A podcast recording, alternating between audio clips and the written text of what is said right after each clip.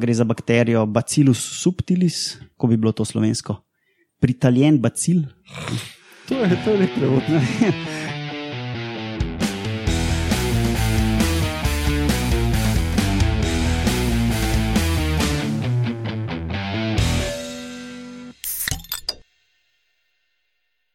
Lepo zdrav, poslušate 56. oddajo Metamorfoza, to je podcast o biologiji organizmov, ki vam jo predstavimo skozi lahkoten pogovor o pivu. Danes, eh, po dveh delih nadaljevanke o polžih in školkah, spet redna oddaja, v kateri med novicami o bogomolkah in njihovi tiči hrani, o tem, zakaj največje živali niso najhitrejše, potem ali ste vedeli, da tudi bakterije prepoznavajo sorodnike in vaška posebneža Darwinova žaba in drevesa Baobab. Eh, Danes smo se zbrali ta klasična zasedba, se pravi za mešalko po imenu Melkija, sedi tonski mojster po imenu Roman, Luštrik tukaj. um, gostitla Alenka in Laura Rozman Živijo. Živijo. in Urša Fležar, Čau, pa še nekdo. pa jaz, Matjaš Gregorič. Zdaj se pa nisem mislil pozabiti.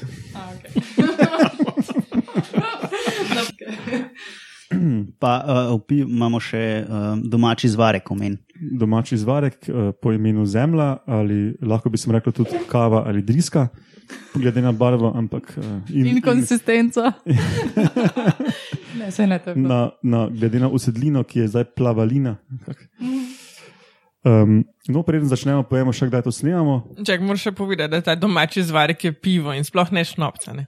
Tako je. Ja, Ja, ki ga mi dva z Matjažem delava. Ampak ker uh, vmes, zaradi takšnih in drugačnih uh, okoliščin, kakšno leto nismo varila, imamo zdaj star slad in težko predvidimo, kaj bo iz tega ven ratalo.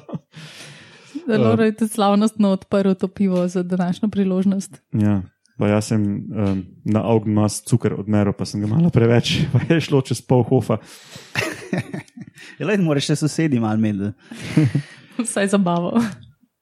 No, ja, drugač pa podcast gostuje na medijskem mreži Metina Lista. Uh, preden začnemo z oddajo, pa še povemo, kdaj to snimamo. Na današnji dan, leta 1969, je umrl Otmar Freiherr von Verschuer, nemški biolog in genetik, ki je pionir genetskih razis raziskav na dvojčkih in pionir genetskega dedovanja bolezni in anomalij. Bil pa je tudi pomemben eugenik, zanimala ga je rastna higiena in zauzemal se je za programe obvezne sterilizacije. In uh, zanimivo, med njegovimi študenti je bil tudi Jozef Mengele. Znani naci doktor, Ja. A, okay. ki je delal poskuse na ljudeh v, Ja. te, v okviru teh. In dezigniral, kdo gre uh, takoj pod plin, kdo pa še sposoben dela in tako dalje. Ok, potem pa. Čaj je še, še katastrofa. Ena največjih belgijskih rudarskih nesreč se je zgodila leta 1956 in sicer je zaradi požara v rudniku umrl 262 rudarjev Kje si rekla, Belgija? v? Belgiji. V Belgiji. Pa to ni tako v srednji Afriki, belgijski koloniji, ampak v prav Belgiji. Ja. Okay. Ok, potem pa kar poženimo zadevo in začnimo z novicami.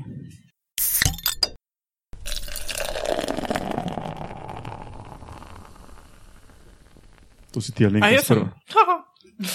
No, jaz imam pa danes ene fulduškane bogomolkice, um, ki pa žrejo ptiče oziroma njihove možgane. A to so kakšne velike gumolke ali so mehni tiči. Ne, v bistvu se izkaže, da, so, eh, da je ta ptičo fagija, žretje ptičev razširjeno tako taksonomsko kot geografsko, se pravi po celem svetu in veliko vrst različnih a, bogomolk to dela Tičom. Ptičom. V glavnem, um, opazili so tudi, da jih lovijo prav iz zasede in to so pa predvsem na, na vrtnih krmilnikih lovijo kolibrije. V Ameriki so kar popularni ti vrtni krmilniki za kolibrije in tam jih bogomolkica počaka in capa jih za vrat. In potem začne pri enem učku glodati lepo počasi in gloda pač dokler ne požre vseh možganov. Sej od to mehke dele začne ne? in pač od, od mehkih delov v mehke dele. Kot Ja. izuča v možgan. Ja, ja tako je. Mislim, da se jaz spomnim, da sem nekje bral, da vsaj ta večje vrste tudi skozi uh, kosti lobanje pridejo pri ptičih, da Cool. pač jo um, zmeljejo svojimi hitinastimi čeljustmi. So še kakšni večji tiči žrtve ali so samo kolibri? Ne, to splošno, mislim, da je nekih 30 vrst različnih so opazeno. Cool. Pač.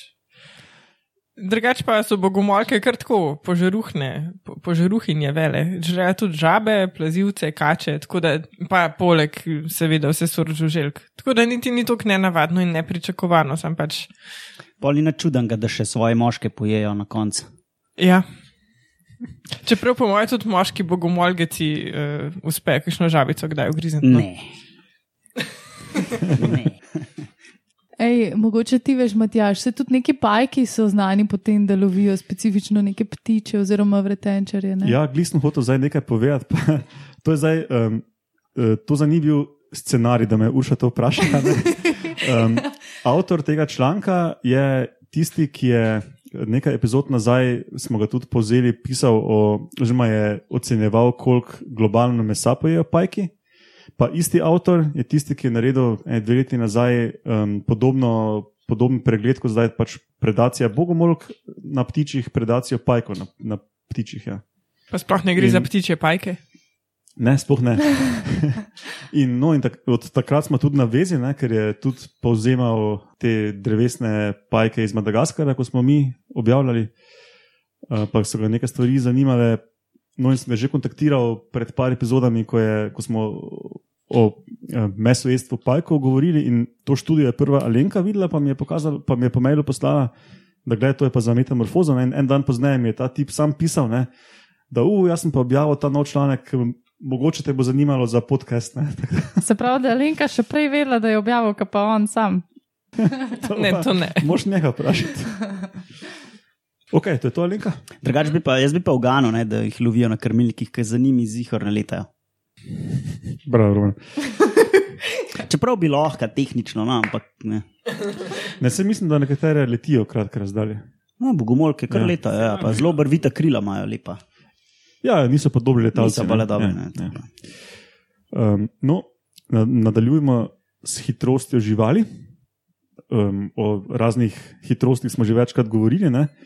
Zdaj, maksimalna hitrost je taka fundamentalna omejitev gibanja. ne. Um, pač moš se recimo moš bežati pred plenilcem ali kaj. Ne. Vseeno pa ni konsenza o tem, zakaj so pač neke živali omejene z maksimalno hitrostjo, sploh ta velike. Ne. In uh, sploh ni konsenza, zakaj to velja tako za tiste, ki tekajo, kot tiste, ki plavajo in letijo. No, tak, če bi ugibali, kaj ste do zdaj tako slišali, recimo, zakaj večje živali niso hitrejše kot srednje velike živali. Recimo. Upor zraka. Sem jih hotel reči, da je fiska, to ne je Laura odgovori.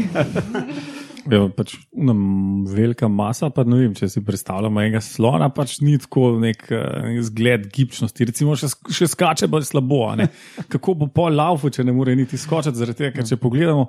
Recimo Geparda, ki je zgled hitrosti in okretnosti, ne, on pač v bistvu, ki skoči, on leti tako, ne vem, veliko metrov po zraku. Ne, si predstavljamo slona, on, on ne more skočiti tako, da bi, ne, on samo stopi slja tam. ne. Po In če- prstkih v bistvu. Ja, po, po prstlja. a Ne? In če bi pač sl- slon tam skakal, kot gepard, ne pol si predstavljam, da morda bi šel na kratke razdalje, a ne hiter, ampak ne. Čeprav v bistvu so full hitri. To je je reden. Uh, no, jaz se recimo uh, spomnim, ali pa se mi vse zdi, da se spomnim, da sem kdaj slišal. Uh, Bi naj ena od omejitev velikih živali bila to, da pač um, neka taka biomehanska omejitev, da mišice in kosti ne prenesejo pač stresa nekih velikih hitrosti. pa To, ne. um, to ima še podobne neke biomehanske hipoteze, uh, ki pa glih niso ful dobro podrte, podprte s podatki. Ja, pač um, odnos med hitrostjo in velikostjo ni linearen. ne, in pol Pa, jaz se to doskrat spomnim na uh, padanje z višine. a ne. A Veš, če ena miška pade z enega metra, je to relativno fud drugače, kot če slon pade z enega metra. Ampak pazi, Roman, ne, ta, eh, ta študija zdaj pa predstavi nov model, ne, katerega empirični podatki, ki se pravi pravi merjeni podatki, pa pravijo, da je zgodba malo drugačna, zakaj velike živali ne, se ne premikajo najhitreje. Ne. Kaj jih noben ne lovi. No, eh, še nekaj druga je bistvo. Ne. Um, Da se jim ne da. Eh, Tukaj so vzeli 474 vrst uh, živali, pač s podatki o hitrosti in nekih drugih stvarih. Um, med temi sesalci, plazilci, dvoživki, dvoživke, črnonožci med tekači, recimo, ali pa ptiči, netopiri, žuželke med letalci, pa ribe, kiti, mehkužci itd. med eh, tistimi, ki plavajo. Ne? Um, razpon v masi teh živali je bil od 30 nanogramov do 100 ton. No, in odgovor, zakaj se velike živali ne premikajo najhitreje, je zato, ker jim zmanjka energije. Spravi, mišicam zmanjka energije. In uh, ta model ugotavlja iz hitrosti pospeševanja tudi, ne, da um, bi velike živali, ki pač pospešujejo, pospešujejo ampak dosti bolj počasi kot manjše živali, ne, ne morejo nikoli teoretične maksimalne hitrosti doseči, ker jim zmanjka energije. In ta model, ki ima noter maso in um, način premikanja, razloži 90% variacije v premikanju teh 474 uh, vrst živali. Tako da je v bistvu zelo dober model, čeprav je smešno simpel. Ne? In pač, um, da je čist, da je čista um, metabolna omejitev, da pač um, ne more imeti organizem tako velike toliko energije, da bi te mišice um, lahko tako dolgo pospeševali, da bi pač to teoretično um, maksimalno hitrost, ki jo izračunaš iz sestave mišičnih vlaken, lahko dosegne. Pač v ta model so tudi dali um, kako se stavo imajo mišice, pa to, ne, koliko je kiri vlaken. No, viš, zato sem bil zmeri slab šprinter. Ker si bliže kita kot džabi. No, in, ja. um, zdaj, za poslušalce tukaj kažem nekaj slikice, ne, to bo spoh Romano mogoče všeč. Um, to so pač um, modeli posebej tistih, ki laufajo, letijo in plavajo. In so modeli, so kar lepi v bistvu. No. Um, Ja, to zgleda, kot da bi bilo generirano umetno. Ja. Čist, čist sledijo teoriji. No, in se, tudi uh, sem poslušal intervju s to prvo avtorico te, te študije in je sama rekla, da pač ja, da m, na prvi pogled um, smešno enostaven model, samo pač noben se ga ni spomnil do zdaj. Ali pa so vzeli samo tiste živali izmed vseh milijonov vrst, ki spašajo noter, ki so jih vzeli samo 400, ne vem, koliko in 70. Ali? Kako bi bilo tako? No, in pol pa je še uh, pač ena uh, zanimivost, tako malo bolj za um, javnost. Ne? Da se ve, lahko ta model, eh, ker je tako enostaven, uporabiš tudi na izumrlih živalih. In so recimo pogledali vse dinozaure in velike ptiče izumrle, ki so kdaj pač z starimi metodami, morfološkimi, ocenjevali hitrost premikanja. In uh, po teh starih metodah več kot 80% se ujemajo s tem enostavnim modelom. Ne? In potem so, in sem si recimo šel pogledat za tiranozaura Rexa, recimo ta model ocenjuje maksimalno 27 km/h, eh, medtem ko za ta malega vel, velociraptorja, ki mislim, da je bil tak nam do um, popka ali joška, ja, eh, pa do 100 km/h. Recimo, Se pravi, tiranozaur je še tako hiter, kot s kolesom, če ga res gonaš. No, ampak to je top speed, ne? pač top speed ja. pri človeku se šteje za nekaj časa. Šprinter, ki preseže 40. No, eh, pol pa so seveda outlieri zaradi raznih evolucijskih, adaptivnih, selekcijskih vzrokov. Ne? Se pravi, pač, če za neko vrsto bil full selekcijski pritisk, da beži pred plenilci, ali pa da plenilc pleni full hiter plen, ne? in je ta um, oborba plen plenija, ker oba postajata hitrejša skozi evolucijo. Ne? pol pač imaš neke outlierje, ne? ampak ta model v glavnem zelo dobro štima um, pri večini organizmov. Ne? To je to, kar sem jaz. No, ok, pa gremo na ali ste vedeli.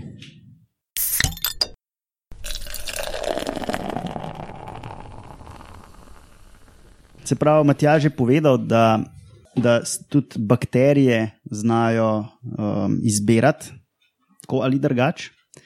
Jaz bom danes malo govoril tako, tek, o tem sporočanju med celicami, um, ki se mu reče angliško quorum sensing. Ta quorum je meni, tako, mislim, da je ena najboljših besed, ki je tako globoka, pa latinska se sliši. Vse skupaj je zanimiva beseda. Kaj pa pomeni? Um, sporočanje, medsebojno zaznavanje. Uh, no, in pri organizmih, ki imajo več celic, ne, kot smo teli za to mizo, um, je nekako logično, ne, da se celice med sabo pogovarjajo, ker pač se celice organizirajo v tkiva organe ne, in pač morajo nekako sinhrono delati. Kako bi pa to delale um, ne več celične, rečemo bakterije, ne, je pa to drugačne, ampak še vsem uh, upravlja isto funkcijo. In recimo bakterije se povezujejo v kakšne take nitke, uh, biofilme, kaj se- kako še se reče, take kupčke. Ne? In se morajo med sabo malo pogovarjati, uh, zato ker pač te bakterije recimo ohranjajo neko. Delajo zato, da si ustvarjajo skupno okolje. Ne. Zdaj, če pride pa no- noter nek tujk ne, ali pa parazit, ki pa pač ne bi sodeloval pri tem, uh, ga je treba nekako prepoznati. In to lahko naredijo pa tako, da uh, prepoznajo, a je sorodnik ali ne. ne. In kako to naredijo, je pa lahko na več načinov. To lahko tako naredijo, da imajo neke uh, take m, proteine, beljakovine, ki segajo čez membrano in se dotikajo pač drugih, in vidijo, a je uh, sorodnik ali ne. Uh, drugo je pa, da dejansko kar ubrizgajo neke proteine v soseda in pač če preživi, je s- sorodnik, drugače pa ne. Cool. No, in, um, v tej študiji, ki jo pa danes bom predstavil na hiter, um, je šlo pa za kombinirane sisteme prepoznavanja teh, sorodnost, teh sorodnih, sorodnikov. Kaj pa to si spravil to študijo?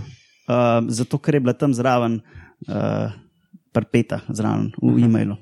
Um, pa, no zdaj me, uh, Matjaš, hvala, ker si me naučil, ne, da zmeraj pogledam članek, kdo, je- kdo so avtorji. a ne, ker To jaz prej nisem to gledal. uh, tale članek prihaja iz, Cam, uh, iz Harvarda, pa iz uh, biotehniške fakultete. Uh, tukaj sta dve profesorici, so avtorici. No, in šlo je pa za to, kako ena bakterija prepoznava svojo žlahto. Uh, gre za bakterijo Bacillus subtilis, ko bi bilo to slovensko. Pritaljen bacil. To je, to je lep prevod. Kako se to prevede? Uglajen. Uh, no, in so tako pač zelo na hitro, ne, tukaj je to zelo dolgo, pa na širok, pa fulkratic. So ugotovili, da ima različne mehanizme, kako prepoznavati uh, sorodnike. Ne.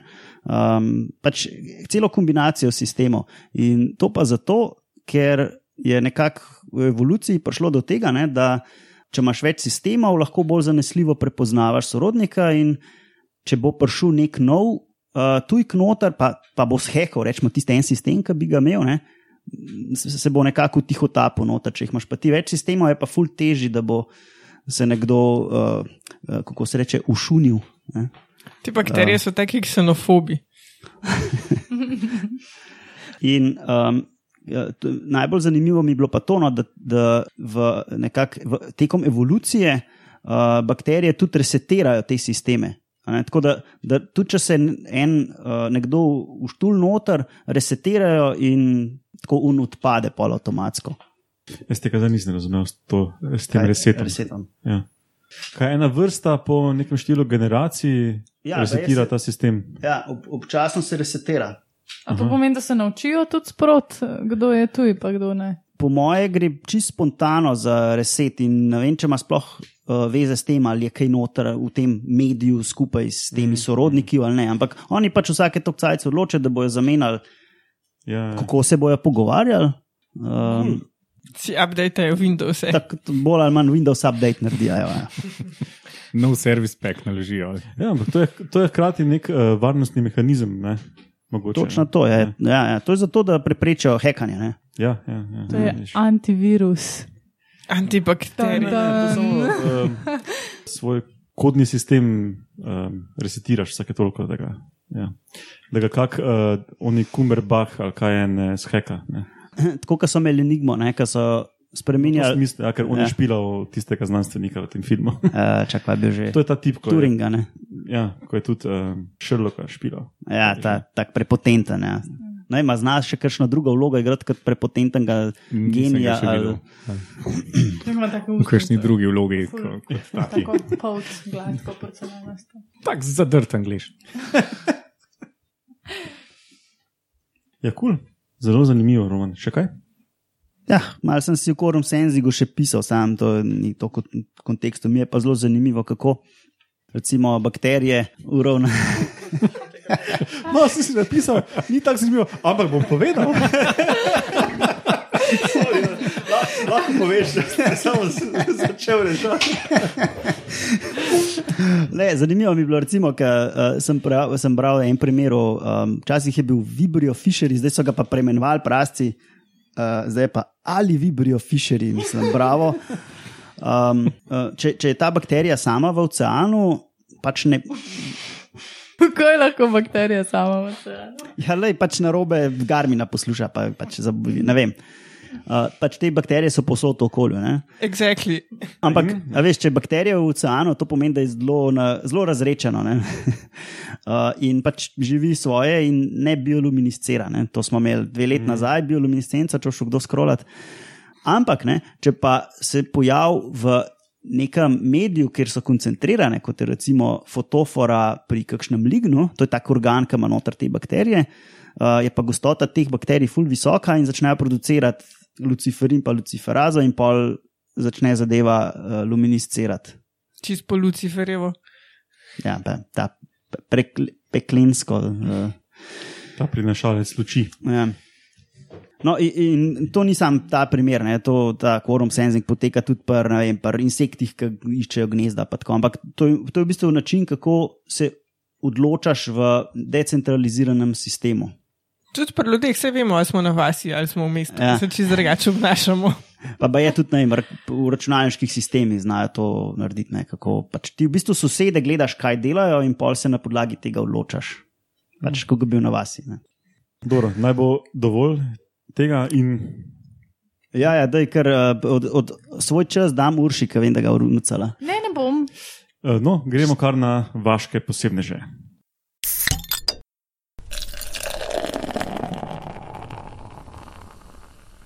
Prvi vaški posebnež je Lau- eh, ne Lauro, Darwinova žaba. Ja, torej, um, danes bomo spoznali eno Darvinovo žabo, ki se ji reče tudi ljubkovalno vomit frog. Um, Bruho Bruhajoča. žaba. bruhajoča žaba, torej, ja.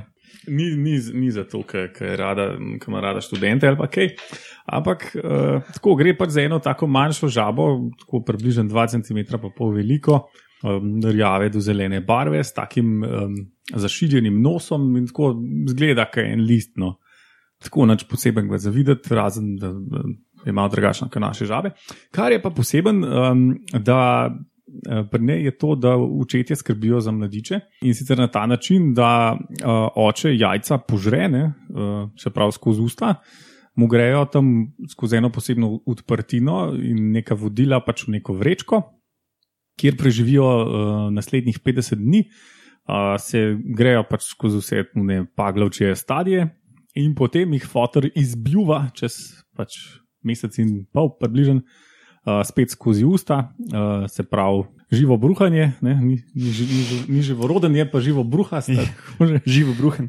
Živo Se- bruhen, se ja. pravi, So kot neki hrčki, samo da pač uh, imajo tisti žep za paglavce. Ne, Ja, ja tam- sem pač, da, da pač ni tle v ustih, ampak je nek drugje v telesu. Pač prav, Aha, vodilo je- aha, je prav pač globje nekje. Model prav zgleda velik in debel. ne. Uh, in, in, Noseč. No, ja, pač noseč. Ne. Uh, in pač tako ima pa še druge zabavne uh, feature, ne, zraven tega, ne, če ga napadajo, ne, se rukne tako na, na, na vid video je bil. Ne. Se, se bomo rukne, dali zapis. se ru- rukne model na hrbtu vodo in se dela, da je mrtev. In pol ga tam um potok, vo, voz tam dol po hrbtu. Uh, tudi tako do pol ure leži, leži na, na hrbtu, se dela mrtvega. Um, Mrtvaka plava. mrtvaka plava, ja, in, uh, ga, in se s, s tem pač obran um, plenilcev. Uh, iz, izpljuva pa 19, kom- do 19 komadov mladičev. Mm. Tudi naš urh ne, se obrne. Uh, Ja, ja, ja. obramba pred plincem, samo pač se bistveno prej nazaj prav obrne, ja. Ja. že po minuti. No, pa tle, to se, tle se mi zdi zanimivo, je, ker, ker saj, saj v videu ne, je bil um, vodotok zelo tekoč, a ne in ga je dejansko odnesel. Se mi zdi dober feature, a ne, ker pač. A veš, zemljo digni se, da legnem, jaz sem v legu tle, a ne, delal sem mrtvega, pa še odnesel ne bo. dober feature je bil. Helej, evolution at its best. Ne? Ja. Živijo pa v Južni Ameriki, ne, Kar če se prav spomnim. Ja, ja, gotovo, gotovo, sem že pozabil. Ok, Urša, drevesa, baobab. Ja, da malo prekinemo to živalstvo in a ja, bakterije. Ja. Um, Kot je Matjaš omenil, baobab, ta čudaška flanca, ne? to se mi je kar v redu um, opisal. Mm, mogoče za začetek, ali ste vedeli, ne, uh, da poznamo devet vrst tega drevesa? Jaz, na primer, nisem vedela, še posebej nisem vedela, da je en izmed avtohtonih vrst tudi v Avstraliji. Mm, večina, se pravi šest izmed devetih vrst, je v Madagaskarju, ponavadi jih poznamo tudi od tam, ne? dve sta pa v kontinentalni Afriki, avtohtoni. Se pravi, vsega skupaj imamo devet vrst. Um, in to, da so tako razporejeni po teh uh, po celinah, v bistvu kaže na to, koliko je že stara skupina. Tako, zdaj mogoče vsi približno vemo, kako izgledajo. Ne? To so neka taka drevesa, da bi jih ful poredil. No? Tako res debela, debla imajo um, in potem na koncu tista krošnja zgleda, da bi drevo na rovo obrnil, ne pa da neke korenine z listi gledajo. Kot da bi jih otrok risal, recimo. Ja, ja, tistke mal podebelijo, pa zelo nesorazmerno, ne, tak neeleganten drevo. No? A so taki, ki lahko prej čez skočiš, ko kar ukol greš? Uh, v bistvu so zlasti dosti visok, tako da ne vem. Torej ne. Razen če imaš v obliki bonsaja ta drevo, ne pa Ne, so težko čez. Ja. Mislim, tiste na kontinentalni Afriki so, mislim, da, mislim, da je v Južni Afriki tudi lahko niže, no, ampak vseeno čez glavo. No, ampak, Ja. um, jaz sem dvakrat do zdaj delal na Madagaskarju ne, in še nisem niti enega tega drevesa videl. Letos, konc novembra, gremo pa tretjič in uh, jaz sem mo mogel planirati teren in je, hvala Bogu, en zanimiv park, kjer so tudi parki, ki jih rabimo, pač od tam zabeleženi in tam imajo neki, uh, neko znano, tako zvano avenijo Baobab drevesa, da ima, imamo tudi to v planu, pa upam, da to v živo. Ne. Mislim, mogoče, da se nanesem na to tvoje, ne, da jih še nisi videl v teh svojih obiskih. Jaz tudi nisem, pa sem kar nekaj časa preživela v Južni Afriki, pa jih tudi nisem videla. Ne. Um, pa sem začela večkrat iskati, da so to kaj ogroženi, oziroma koliko je zožen njihov uh, range uh, oziroma razširjenost, ne, ampak nekako piše, da niso ogroženi, da, da so splošno razširjeni in da načeloma nimajo težav ne, kot vrsta, tako da mislim kot vrste. Tako da mogoče pač sam nisem na ta pravih koncih Po mojem, razgledal. ja, Južna Afrika je velika, Ja, pa, po mojem so bolj na severovzhodu, bi si mislil. Ne, to. Sej, načeloma so razširjeni skoraj po celi Afriki. Ne? Čist do Aha, Sahare aha. pridejo, um, tudi tiste bolj vzhodno in zahodno afriške države imajo nekatere, mislim pač te ene izmed teh dveh vrst, ampak načeloma. Ja, po Madagaskarju, pa glede na to, da je šest vrst, bi si predstavljala, da bi bili posodno. Sem... No, Vsaj, vsaj na severu in vzhodu jih ni, no, tam, pač mi bolj ja, tropski gost iščemo. Ja. ja. Vlažni tropski gost, ki ni nižinski, ampak bolj. No, je pa, metrov. no, evo, to zdaj mogoče razloži, ne? zato ker niso, to niso drevesa vlažnih uh, razmer ne? in vlažnih habitatov, zato tudi imajo tako odebeljena uh, debla, ampak so drevesa nekih takih sušnejših območij ali pa saj um, zmernejših, no, kako naj rečem, savan, um, sušnejših savan. In zakaj so tako debeli? Ne? Seveda, vsaka rastlina, ki je malo debeljena, pomeni, da nekaj shranjuje in to nekaj je ponavadi voda. In tudi baobabi v bistvu v teh svojih debelih deblih, ki izgledajo res taki napihnjeni, ne, um, shranjujejo predvsem vodo, neko tako posebno tkivo imajo, fibrozno in tja oni shranijo vodo, kar jim omogoča, da, da najboljš delujejo oziroma dobesedno zacvetijo oziroma obrodijo takrat, ko je za vse ostale rastline najhujše in najbolj neugodno okolje. To je sred uh, sušne sezone. Ne. Zato je tudi Baobab uh, oziroma skupina Baobab znana kot Tree of Life. Um, ker dejansko sred su- sušne sezone ponujajo tiste svoje sočne plodove živalim in pač ljudem tudi konc koncev. ne. Meni je bilo naprimer, zanimivo tudi to, da je listopaden, še vedno se obnaša kot nek navaden listavc pri nas. Ne?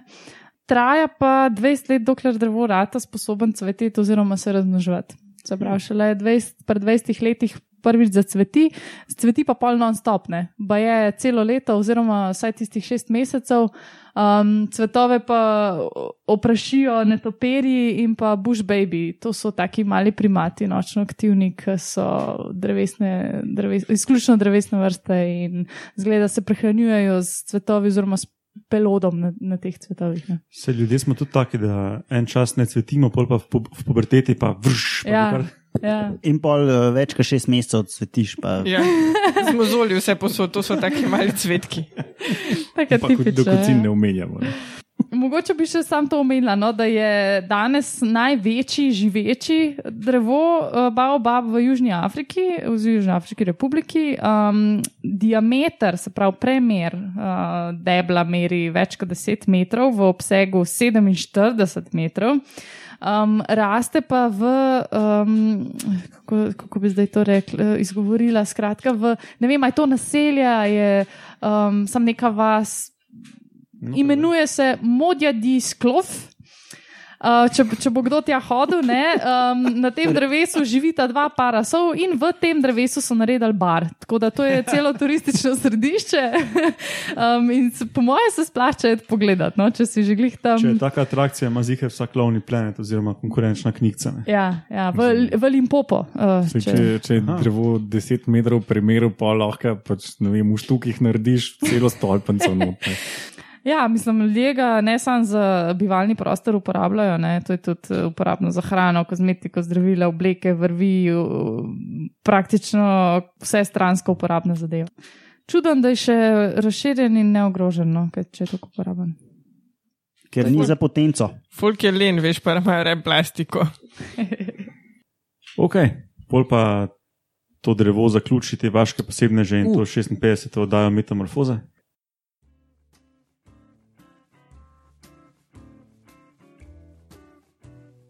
Ok, to snemamo z Romanom. eh, Po tem, ko smo snemali to 56. epizodo Metamorfoza in sicer zato, ker smo potem eh, takoj po snemanju, po lastnem snemanju šli eh, tudi na snemanje v živo, um, ne vem katere že um, epizode, podrobnosti, ki so bile zdaj weird zadeve live. Nihče ne ve, kje je epizoda. Niti oni sami. No, in uh, tam so naredili uh, shout out metamorfozi, kako se to reče po slovensko, klicna pomoč metamorfozi. Ja, sam smo bili predelač, da bi dejansko lahko urgirali. No, in sicer je, kaj Roman Jure Godler je razlagal zgodbo, uh, ki se tiče enih morskih rakcev. Ne. Sem mislil, da bi bil Tilo Nartač to. A ja, pardon, Tile Nartač. Ja. Ja, in zato smo se zdaj odločili to posnet, ne, da eh, na koncu vaških posebnežev um, še dopolnimo um, te posebneže izvid zadev z um, nekaj informacij o teh posebnežih, ki se jim reče morske uši. Ne. Ja, je razlagal o morskih bohah in kako so enega mladeniča v Avstraliji pojedle po nogah. Uh, no, vse je lepo in prav, no, sam to tehnično niso morske bohe, ker tudi angliški izraz je sea lice, ne, to so morske uši. Uh, ta Tilan Artač bi lahko vedel, ker ima tako lepo frizuro, da jaz, nam, jaz jih ne morem dobiti, ker jih nimam več laskor. Um, in to so neke vrste izopodni rakci, ki jih poznamo tudi recimo skopnega. To so te prašički, ki jih pod kamna najdeš, pa jih malo frcneš, pa se v kugalco zvije. Ali pa mokrice. ali pa A, mislim, da se kočiči, ne. mokrica, ja, ja. to- No, se pravi, to so kopenski predstavniki, morski predstavniki so pa zelo pestra skupina, velike takih, ki pač jejo nek detrit, pa nek, neki po pesku leza ali pa med skalami, so relativno za ži, žive organizme relativno nedolžni. Imáš pa tudi take, ki pač so mal bedezne. Se pravi, imaš tega, ki so napadle Avstralca ali v Avstraliji napadle mladeniča. Um, Imáš pa tudi take, recimo, ki zajedajo na ribah, uh, na kakšnih škrgah so radi, uh, lahko so tudi kar na površini. Smo pa omenjali Matjaša, ne, tudi eno vrsto, ki pri ribah nadomesti jezik. Ja, ne morem se spomniti, v kateri epizodi je to bilo, ampak uh, ja, požre jezik, če se prav spomnim, in potem tam tudi miglja kot jezik na mestu jezika. Ne? Ja. Ja. Celo funkcijo jezika uporablja in se potem z nekimi ostanki hrane uh, sama sebe futra, ampak riba še vedno živi in je in vse. Ja. Uh, to smo iz lih z jezika vzel. hala. No, imaš pa tudi, uh, sem slišal za primere, ko so morski psi pojedali ribe, ki so imeli te parazite. In te paraziti so se kar prežrali skozi želodec, skozi mišice in skozi kožo morskega psa in ven. Tako da so uh, relativno, uh, tudi potaplači včasih se jih lahko ustrašijo, no, ker so relativno taki tečni, no, tako kot ene, ne vem, mogoče ose ali pa neki s tem, da oni te dejansko jemljajo kot hrano. Mogoče bi še za konec omenila, da ne vem, če smo bila dovolj jasna, dovolj jasna, da to niso uši, čeprav se jim reče uši, um, da so to pač raki, enako nožci izopodine. Tako je, to so Um, mogoče se so jih začeli imenovati morske uši, zato ker pač so med njimi pogosti paraziti. sklepam. Teda iz tega vidika bi tudi um, morske bohe bile čist, bilo čist legitimno jim reči. ne. Podobna, Ja, podobna analogija, če tako greš. Ja, no, ja. Tehnično, tehnično je res. Ja. Konc dneva je čisto vse, kako zadevi rečeš. Ne.